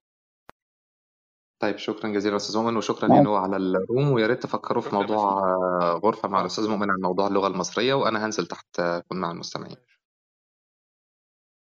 أنا بس عايز أكلم حضرتك عن عبد الملك زرزور بس المشهد ده أنت كنت. اتكلمت عليه فأنا عايز أركز فيه كده ثواني وهنا هو بيتكلم المشهد أنا عمال عمال أتفرج عليه على ال- آه. وانت وأنت بتتكلم يا مؤمن على الحتة دي على احتقاره ليه على عينيه حتى يعني بص كده هو بيتكلم ولا بلاش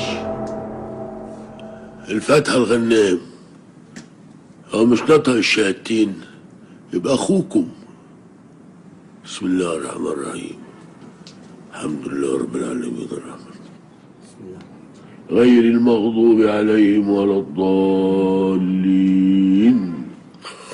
آمين.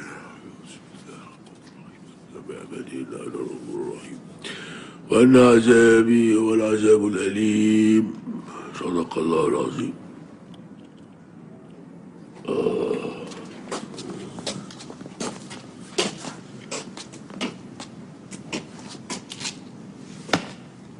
عظمك ناشف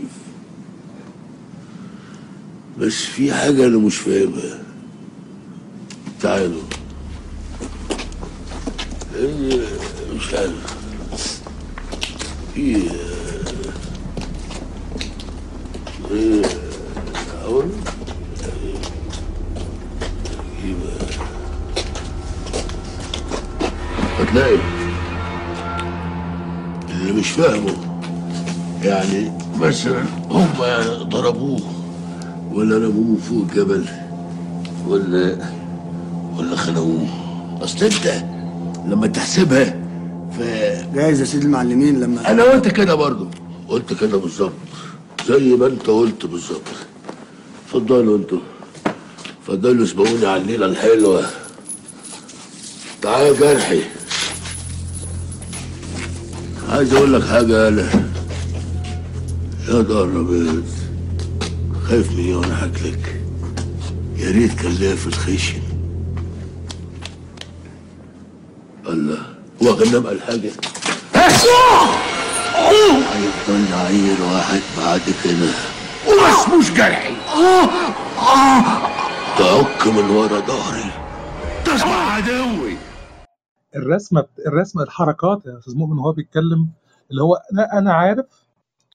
تشتغلني وأنا هعديها بمزاجي بس أنا قاري. والحركة وهو ماشي والتف على الأرض والسواك بالحركة ب... وإن عذابي. محمود عبد العزيز عمل الشخصية بطريقة مرعبة مرعبة. ما هو بعد الفيلم ده اترشح للجبلاوي في مشروع آه، أولاد حارتنا. طبعا المشروع ده اللي هو إيه محدش آه، قادر يهوب ناحيته. والحمد لله مش قادر النور. آه إن شاء الله. إن شاء الله ما هيبوظوه النور. بس هو هو هو كان كل مشاهده فوق الجبل لحد المشهد اللي هو قرر فيه ينزل. لابراهيم يعني المشهد اللي هو. قرر فيه ينزل لابراهيم فنزل له على الأرض. أيوه. نزل أيوه. له. عشان كده إبراهيم انتصر. ما هو إبراهيم إبراهيم كسب لما نزله من إبراهيم فوق. مات. إبراهيم كسب لما إبراهيم نزله. مات. بس عاد أيوه. لا أيوه. فسرها لي دي ما فسرها لي. هو ما هو الفكرة أيوه أنا عندي هذه القدرة وهذه السيطرة أنا عمال زرزور عندي هذه القدرة وهذه السيطرة وأقدر أبطش وإن عذابي وكل الكلام ده والى آخره. بس في الآخر أنا الأسطورة. أنت ما تقدرش تقفش الأسطورة. الأسطورة دي عاملة زي ال- الهواء ما نقدرش تع- تعبي الهواء في إزازة ما تقدرش. فلا أنا هو انتصر بكذا حاجة إبراهيم انتصر بكذا حاجة. أولهم إنه نزله من فوق وخلاه بقى على الأرض. آه على الأرض وقتله آه على الأرض ولا هو اللي كان أقوى بس على الأرض. ولما هنطلع بقى اللي هيطلع هو إبراهيم. صحيح مش هيطلع بجسده بس اللي هيطلع هو إبراهيم لأن هو اللي هتفضل كل الناس تحكي عنه ومحدش هيحكي عن عن عبد الملك زرزور برغم كل الهيلمان ده. فهو لا هو اللي انتصر إبراهيم من خلال الحاجتين دول يعني طب هو في رسمة الشخصية هو. عبد الملك زرزور في تكوينه في التكوين بتاعه في الدخلة الأولانية لما كان قاعد فوق وقاعد وماسك ال... ال... قاعد وسط آه، آه، وبيرفع بيضرب بيضرب النار عشان خاطر يسك... يسكتهم والكلام ده كله. وبعدين في مم. الآخر وهو بيقرأ في القرآن فهو إن عذابي ولما ينزل من فوق رسمة. الشخصية. عبد يعني محمود عبد العزيز حضرتك عارف هو إزاي يعني قعد مع مين؟ عملها إزاي؟ يعني إزاي رسم؟ وحتى الموت بالنار. هو لما جاي موته في الآخر موته بالنار. فهو أيوه في ألوهية يعني في فكرة هو راسم راسم كاركتر إن هو إله إن أنا قوي جدا لهذه أيوه. الدرجة. أنا قوي. أنا أيوه. محمود عبد العزيز كان حاطط في ذهنه أيوه. الكلام ده كان حاطط في ذهنه التفصيلة دي كلها؟ طبعا محمود محمود عبد العزيز مثقف كبير و... وقارئ والله يرحمه يعني و... ألف رحمة. و... وراجل يعني كمان مرقع يعني وفاهم الحياة وما يعني لا فاهم طبعا كل ال... القصص بس هو ما كانش فيه الحقيقة تعاون كافي بينه أو تفاهم كافي بينه وبين مروان. كويس رغم كل ده رغم كل اللي شفناه ورغم كل ال... يعني لو لو كان مروان أكبر سيكا 10 سنين مثلا وقتها كان كان تقديري إن الأمر هيختلف وكنا هنشوف حاجة قد اللي شفناها دي مرتين. رغم إن اللي شفناه ده فظيع بس كنا هنشوف حاجة أتصور آه، أكبر. لكن طبعا محمود عبد العزيز عارف عارف وفاهم كل حاجة و... وعارف هو بيعمل إيه يعني. هو كمان مشهد النهاية بتاع بتاع تهوني يعني مشهد وإن هو يموتها وكسرته في الآخر الكسرة. الأخيرة دي لما قتلها بالرصاص ال- الرسمة بال- باللبس حتى بلبسه في في التفاصيل بجد مرعبة. يعني هو. عبد الملك زرزور لوحده لوحده فيلم. أنا حتى تخيلت إن هو ممكن بعد كده يعملوا فيلم عن الشخصية دي. يعني أنت ينفع تخرج عبد الملك زرزور وتعمل عنه فيلم كامل. فكلمني أكتر عن الشخصيه دي كلمني عن رسمتها تفاصيلها لأن هي هي شخصية ملموسة. يعني أنا أنا حرفيا أنا أنا آسف في التعبير ده بس أنا ساعات كده عارف اللي هو بشم بشم الريحة اللي هي بت- ال- ال- اللي ممكن يكون حاططها ال- ال- ال- الاتموسفير بتاعه. أنا شفت ناس كده شفت ناس في مناطق الناس بتنزل لها عشان تحل ما بيتدر... ما بيتدخلوش بإيدهم لدرجة إن من ضمن الحاجات اللي بتتقال إن لو فلان اتخانق معاك فده في صفك. يعني أنت هو ما بينزلش هو ما بيكلمكش. هو راسم م. رسمه هو عنده ال character ده. فكلمني عن ال character بتاع محمود عبد العزيز لأن هو character لو حضرتك يعني عندك ليه تفاصيل معينة. لا هو ما فيش ما هو ده اللي أنا قلته في الكتاب واللي أنا بقوله دلوقتي هو فكرة هو الألوهية السيطرة القوة ال- ال- ال- اللي هو كل ده بشكل تقريبا هو آه يبص في آه عينيك يعرف أنت فيك إيه يبص في عينك يعرف أنت عندك إيه هو هات الكيس. هات كيس يا شيبة. فمش يعني آه يبقى انت اللي خدت لا هات الكيس يا شيبة. وبعدين لما خدوا هم لما شيبة جاب الكيس قال إبراهيم الأبيض آه وزي ما شيبة الله يرحمه قال يا روح ما بعدك روح. ساعة ما قال الجملة دي ما كانش شيبة مات بس هو بقى الله يرحمه. فهم هيقتلوه. يعني هو كلامه كمان قضاء. أوامر يعني هو يعني آه أنت أنت خلاص شيبة الله يرحمه آه، قال كذا شيبة مين الله يرحمه؟ أنا أيوه آه أنت مت خلاص. يعني أنت خلاص آه أنت فتحتك اتقرت آه أنت خلاص يعني مت اوريدي مش لسه ه... ه... هتموت. فهو في ده. بس هو مش بمعنى الإله بمعنى حرفي لكن ال- الفكرة هنا ال... خلينا نقول إيه الميتافيزيقا. السطوة دي. على الإنسان اللي هو الطبيعة برضو ينفع اللي هو القضاء والقدر والظروف. في الآخر حتى مهما بلغت سطوتها ومهما كانت مطلقة ومهما كانت بهذا العذاب بس إن إبراهيم قدر يتغلب عليها. يعني والفكرة مش أنت تقدر تتغلب عليها لأنه أنت مش إبراهيم. أنت المتلقي أنت أنت عشري. لكن إبراهيم قدر يتغلب على هذه القوة المطلقة. وما تغلبش عليها آه بمعنى إنه هزمها. يعني في لا في المعركة. نزله من يعني فوق نزله وكلمه مش بشكل نتشاوي. يعني مش بشكل نتشاوي إنه ال ال القوة هي اللي لا خالص. بإنه هو شخصيا تحول لميتافيزيقا أقوى. هو إبراهيم اللي تحول لميتافيزيقا في الآخر. عشان كده انتصر. يعني لما عبد الملك زرزور بقى فيزي بقى فيزيائي بينزل على الأرض وكده وإبراهيم هو اللي بقى آه آه ميتافيزيقي هو اللي هو دي هو ده الانتصار.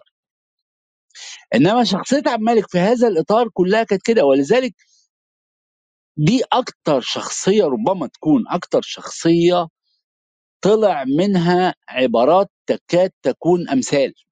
يعني الجرأة حلوة فيكم واحد طابب الإنسان ضعيف آه، معظم أخذ الحق آه، آه، حرفة. صنعة وبالأصول. صنعة وبالأصول. ودخلت السيمة دي بتاعتك يعني ما تاخذنيش لا قربت من من الصنعة ولا فيها ريحة الأصول.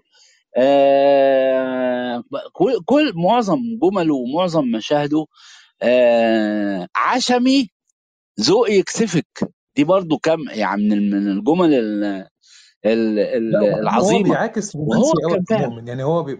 هو هو بيعاكس آه. رومانسي. يعني في كده حتة اللي هو كل الهيلمان ده بس هو بين إيديها طفل صغير. يعني هو بيتعامل معاها أيوه بشكل هو. لا لا لا أنا بتكلم إن هو بين إيديها حرفيا بيتحول لطفل.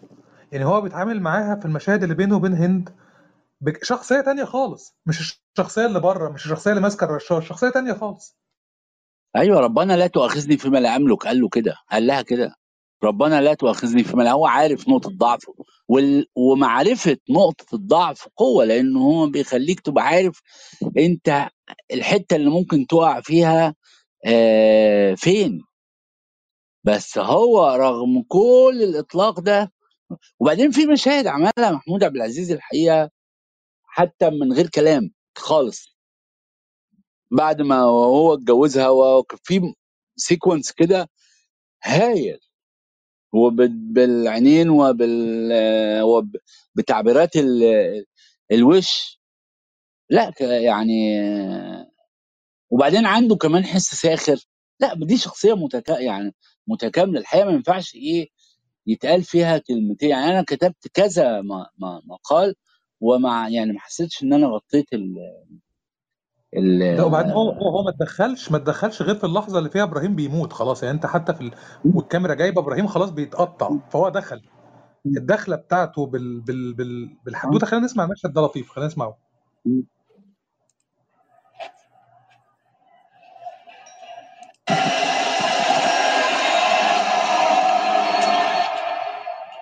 حد لشغل حاجة؟ إيه؟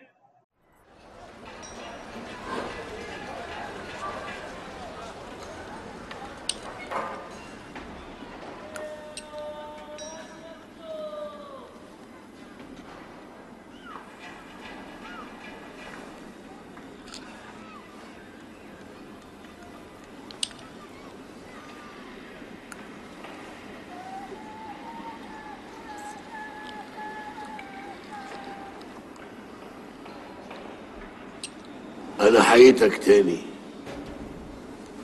غشيم زيك تن روحك طلعت من ياما. اتكلم وحق ما يتسلب مني. مش طلعت روح برضك؟ طالما كده طلعت روح وكده طلعت روح. أنا نصيبي بقى. مفيش كلام. بس هاخد الحق صنعة. وإيه؟ بالأصول. وأنت دخلة السيمة بتاعتك دي يعني من غير مؤاخذة يعني اللي أنا شايف فيها صنعة ولا هوبت من الأصول. دي دخلة انك لميت وإنهم لميتون. الولد ده بينزل حتتنا وبيطلع منها حسنة ومن ورا ظهوركم ومش من الصنف بتاعكم كمان. ورغم إن أنا عارف انه لا مؤاخذه يعني مغمضكم بلعناها اكراما لمقامك وتقلنا عليه. يرضيك يبلغ عننا وياخد البضاعة؟ الصنف انت تقصد البن؟ هو كمان هنا هو بيتكلم يا مولانا هو مش مسجل ما عليهوش قضايا. علاقته بالأمن كويسة. هو ملوش علاقة. يعني هو هو أيوة. هنا هو بيحرك وما بينزلش. ملوش دعوة خالص. مش موجود في المشهد. حتى لما بيتكلم مع المخدرات بيقول له قصدك آه. البن؟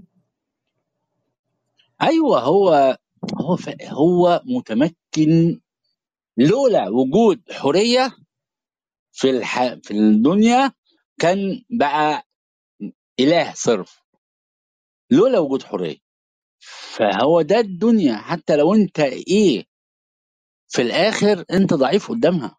هدي الفكرة. فهو كان لازم يبقى الجبروت مكتمل بره علاقته بيها. ويبقى الضعف مكتمل في علاقته بيها. وإنك ما تحسش بتناقض ده عن ده. يعني ما تحسش إنه حالة الجبروت متناقضة مع حالة الضعف. مش شخصية تانية. لا هو ده لما يبقى ضعيف. فلا يعني حاجة مركبة وكانت هايلة الحقيقة يعني. إنسان ضعيف. إنسان ضعيف. ما حصلش. بيقول أي كلام على الفتح عشان ينفد برقبته يا روح ما بعدك روح. وبعدين لو فرض يا سيدي ناس. وده حصل. هتقدمنا؟ وفين؟ هنا في حتتنا؟ انت ضارب إيه ها؟ ضارب إيه انت ضارب إيه ده ولا خانه بحالها.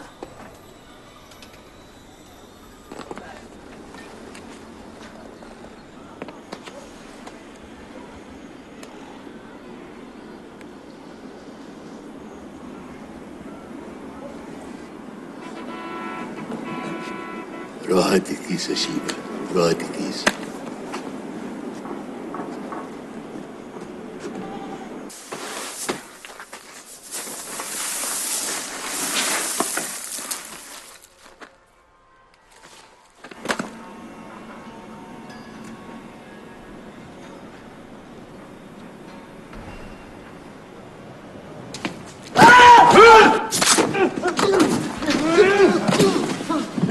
ذكر صحيح قلب ميت لكن أخضر. أنا بتوصلني أخبارك؟ جرعة حلوة جرعة حلوة مفيش كلام. بس زي ما سيد شيبة الله يرحمه ما كان بيقول أروح ما بعدك روح. يا ما راح زيك وأصغر منك كمان. كانوا عاملين ميت راجل في بعض. هات الكيس ده.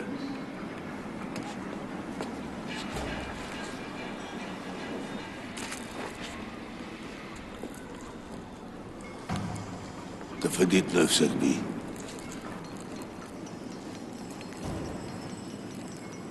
انت هتشتغل معايا. وهتكسب أكتر من اللي كنت بتكسبه ثلاث مرات. هو كان مقصود إن هو يكون قاعد القعدة دي؟ يعني هو كان مقصود إن هو يكون قاعد بالطريقة دي؟ يعني هو يكون قاعد ما بيتحركش من مكانه وهو واقف قدامه فما أيوه هو على اضربوه يعني قصدي قصدي حتى في المشهد أنا بتفرج على. المشهد طبعا الناس مش كلها شايفاه هو ما قالهمش مم. اضربوه.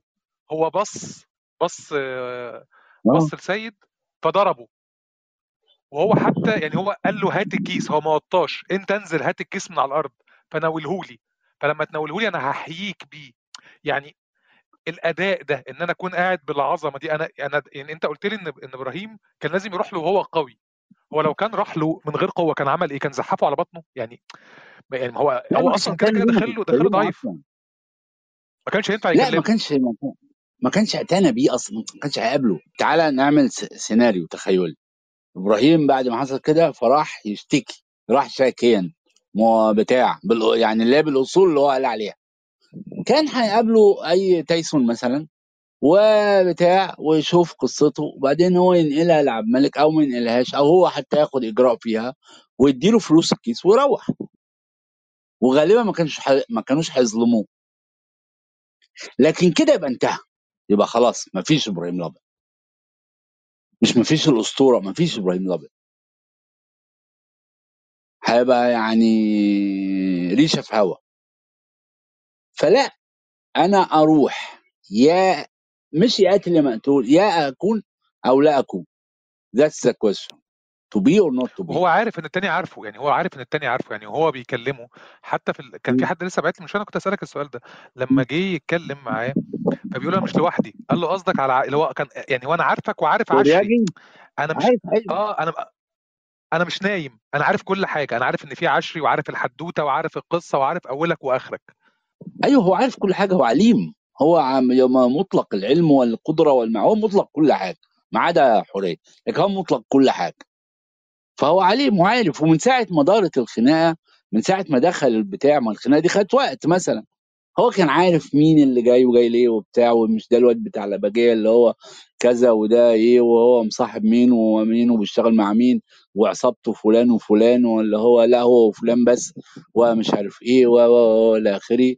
خلاص هو عرف الموضوع عارف كل حاجات عارف كل القصة وعارف إنها أكبر من الخناقة اللي تحت دي.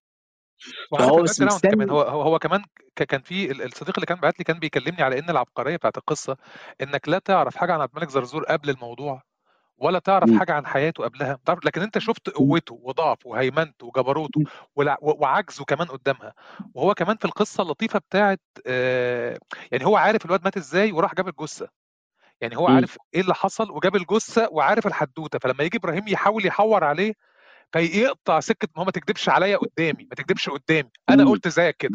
أنا قلت زيك آه أنا قلت كده برضه أنا قلت كده برضه. أيوه. آه. أنا قلت كده برضه. بس. الحدوتة الحدوتة مرسومة مرسومة بشكل حلو. آه، أعتقد الكلام عنها مش هيخلص. طب طيب. أنت أنت يعني أنا أنا أنا مثلا خدت بالي إن المشاهد هنا كان في مشاهد بكر مشاهد ما اتشافتش. قبل كده. ده آه كان ده كان برضو الناس قعدت فترة عشان تدور على المشاهد دي. يعني إيه اللي حصل؟ زي إيه؟ بالنسبة لي أنا المشاهد بتاعت إبراهيم نفسها في الشوارع الضيقة أنا شفت يعني شفت الشوارع الضيقه قبل كده لكن في مشهد إبراهيم ماشي فيه اللي هو في الأول خالص وهو بيحكي ده ده ده أستاذ أنسي بقى أستاذ أنسي بقى. ليه بقى؟ لأنه أستاذ أنسي الح... هو عمل الحارة كلها. بص هو ال- ال- المشاهد دي متصورة ما بين الحطابة في مشاهد متصورة في الحطابة وفي مشاهد متصورة في ال... في اللوكيشن المصنوع اللي عمله أنسي. المشاهد المتصورة في الحطابة دي زي مشهد وهو وهو الحريه. وأشوفك الساعة 7 عند مش عارف إيه وبتاع وكده. الناس اللي أنت شايفهم دول في أي مشهد من دول هم أهالي الحطابة نفسهم مش مجاميع. ودي كانت الطريقة الوحيدة إنه الناس في الحطابة يوافقوا إنه الفيلم يتصور. آه يعني مش بشكل رسمي يعني يسمحوا ان الفيلم يتصور. فدول ال- الناس بتاعة الحطابة. إنما ال- اللي أنت بتتكلم فيه ده ده في اللوكيشن اللي عامله الأستاذ أنسي. وهو عمله بمقاييس تناسب التصوير. يعني مش عامل هو عامل الحارة ببيوت كاملة. هو عاملها بنيها. لكن البيت مش بم... يعني لو البيت العادي مثلا 70 متر أو لا هو ممكن يبقى البيت كله في مساحة 3 متر في 5 إزاي بقى؟ ما نعرفش بقى. هو دي بقى قدراته بقى. وبحيث لما تتصور تقدر انت آه، تاخد الشطات اللي انت عايز تاخدها في الزمن اللي انت عايز تاخده بالإحساس اللي انت عايزه يوصل ومش هتحس بإنها بيوت صغيرة. فالتصوير المعارك قبل إبراهيم الأبيض كان بيحصل إيه؟ كان بيحصل إنه واحد إنه مثلا يجي آه، اللي بيضرب البطل. فإحنا نجيب إيده وهو بيضرب بالسكينة أو بالبتاع أو كذا وبعدين كات تأثير الضربة دي على الشخص اللي هيتضرب أو إلى آخره أو بتاع. لأ ده إحنا مصورين له آه، يعني شطات طويلة فيها كل التفصيل من غير ما نقطع. فأنت شايف الدم وهو بيطرطش فعليا. فكل التفاصيل دي مخلية الموضوع ريل قوي يعني. أعتقد إحنا محتاجين نعمل حاجة تانية بس أنا هسمع هسمع الجزء الأولاني بتاع أسطورته دي من عشري ونقفل على كده لو عندك حاجة بس أخيرة لكن هسمع الجزء بتاع عشري ونعلق عليه اللي هو وهو بيحكي عن إبراهيم. انت حلفت إن إبراهيم سافف شريط ابيتريل وسايب إبراهيم ما يخافش إلا من الغشيم. الغشيم يعني يا هيموتك يا هيزنقك تقتله.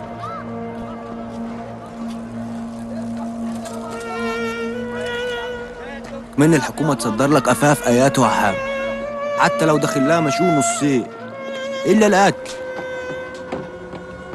الصياعة إنك تعور ما تموتش. تشرط سطحي ما تغزش. تكسر عين اللي قدام منك وتقلبه مرة وتخليه يمشي في وسط الناس وعلى قرطه توقيعك. إنما دول دول الزرازير الحتة دي الحتة هو بيتكلم دي ده كتالوج الصياعه عموما. اللي هو الحكومة هتصدر لك أفاف أي حاجة. إلا آه. القتل إلا القتل لكن دول الزرازير أيوه. مم. هو هو بيمهد للأسطورة حقيقي يعني بيمهد للأسطورة يعني هو بيفرش لإبراهيم إن إبراهيم كأسطورة رايح يقابل الأسطورة الثانية اللي هم دول الزرازير دول أيوه. هيقتلوك. ده صحيح يعني هو لا أنا أقصد إن هو الفرشة ده صحيح. هو الفرشة عجباني تحس إن هو بيحكي الالياذه مثلا.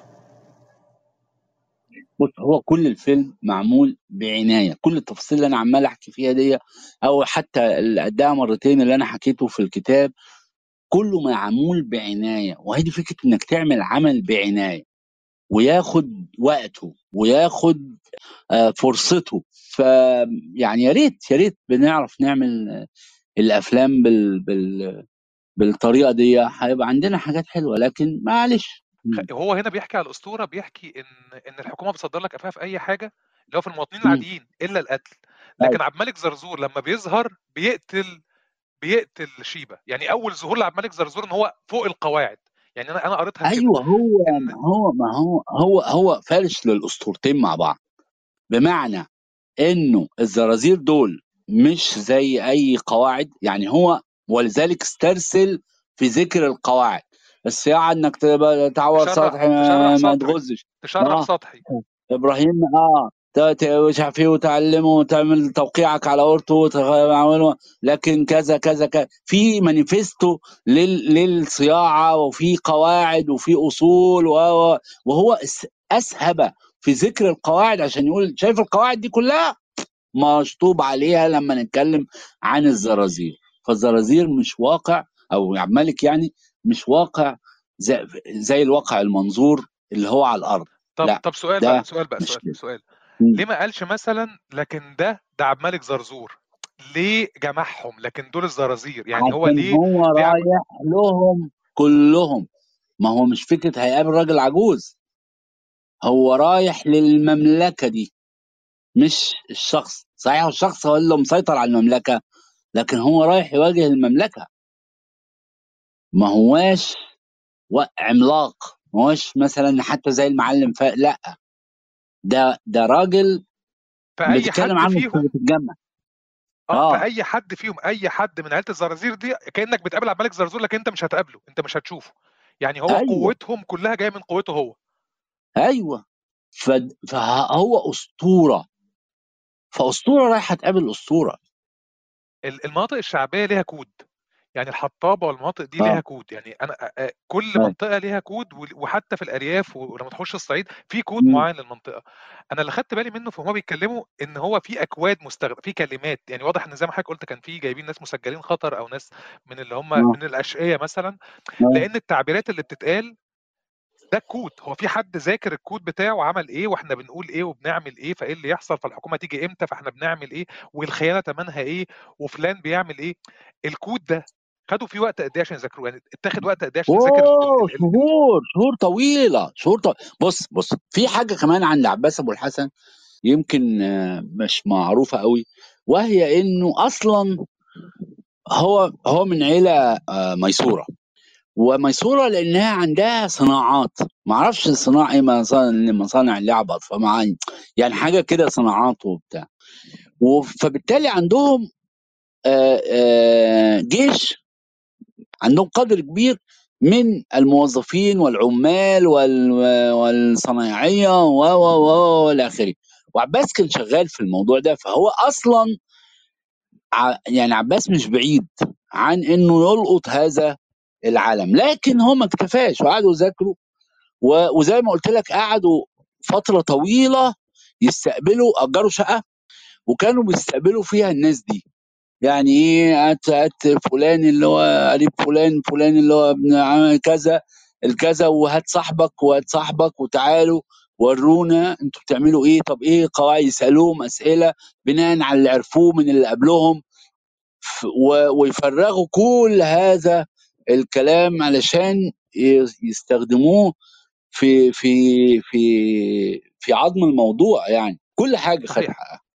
طيب آخر حاجة بقى هو عشان خاطر إبراهيم يسأل ون- ونقفل. اللقطة بتاعت ميلاد أسطورة إبراهيم الأبيض كانت الخناقة ولا لقائه مع ملك زرزور؟ يعني هي أنهي لقطة؟ هي دي اللي فيها إن أنت شايف إن الأسطورة بتاعته بدأت. أسطورته في اللقاء مع مع- معاه يعني هو واقف قدامه لأن هو في في المشهد حتى طبعا محمود عبد العزيز أنا آسف بس واكله واكله تماما واكله بكل حاجة واكله. حتى بال- بالطلة بالهيبة.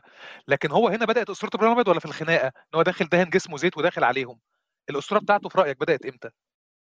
لا بدأت من الواد الصغير. أوكي. في مشهد آه، أبوه.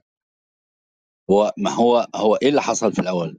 هو طبعا إحنا في كل ده ما اتكلمناش عن الأصمعي وأبياته اللي هي آه، اللي خدوا منها البيت اللي صدروا بيه الفيلم. مساكين وأهل العشق أهل العشق حتى قبورهم عليها تراب الذل بين المقابر. صحيح ومقصودة. هو الفكرة بدأت من إنه الولد القهر اللي تعرض له الولد وهو صغير وفهم إنه الدنيا الحياة القدر النصيب الإله ال- أي حاجة اللي هم في الآخر هيبقى عبد الملك زرزور آه مش هيرحمه مش هيسيبه.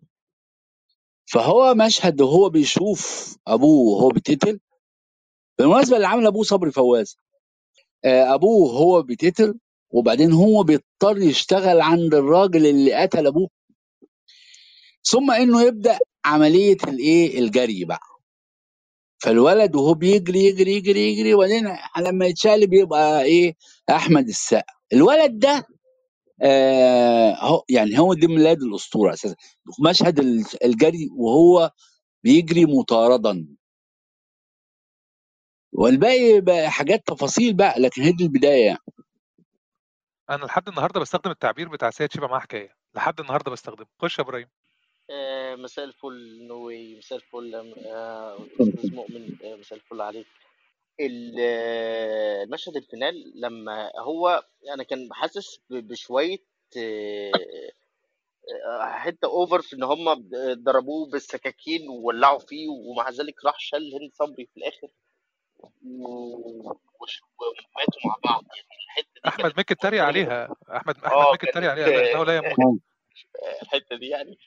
آه، حاجة تانية ال character developing بتاع آه، هند صبري البنت اللي اللي جايبينها في الأول ليها شكل معين وبعد كده البنت اللي بتزعق وماسكة سيجارة و- وبتحكم ناس وبتتحكم فيهم وحاجات زي كده.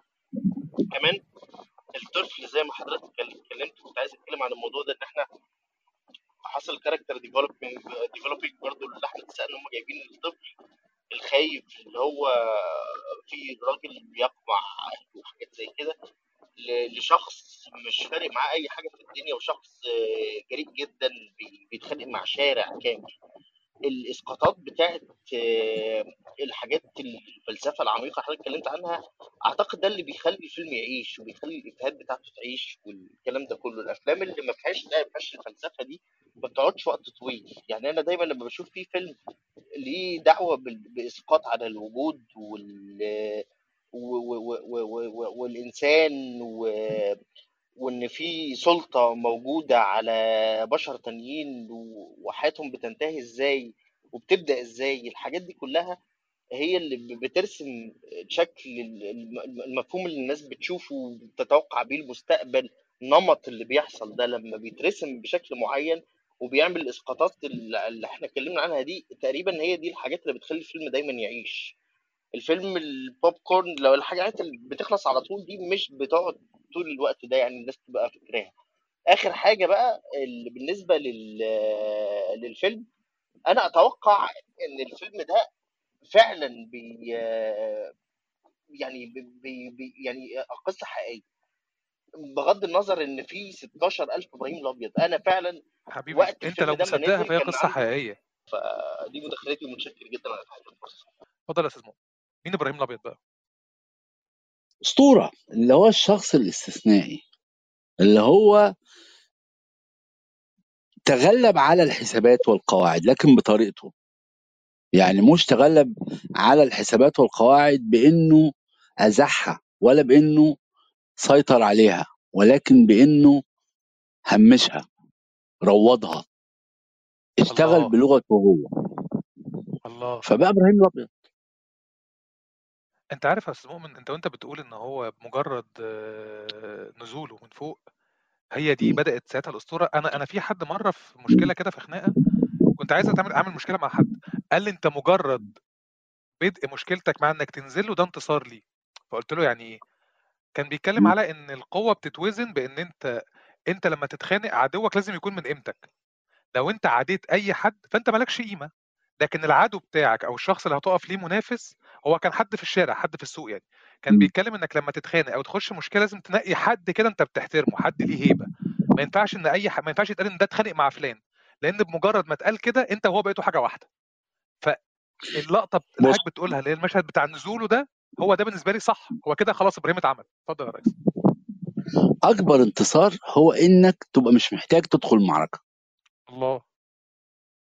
وانس دخلتها خلاص يعني إن أنت بمجرد نزولك الخناقة فأنت خسران أنت خسران حاجة كده كده. يعني أنت بمجرد ما نزلت خسران هيبتك هتخ... يعني نزولك في حد ذاته غلط. فأنت ال... ال... الحدوتة بتاعت آه، إن هو بمجرد ما... ما هو نزل من فوق من على الجبل وقابله فإبراهيم كسب حتى لو مات هي دي اللقطة اللي أنا بجد كنت واخد بالي منها.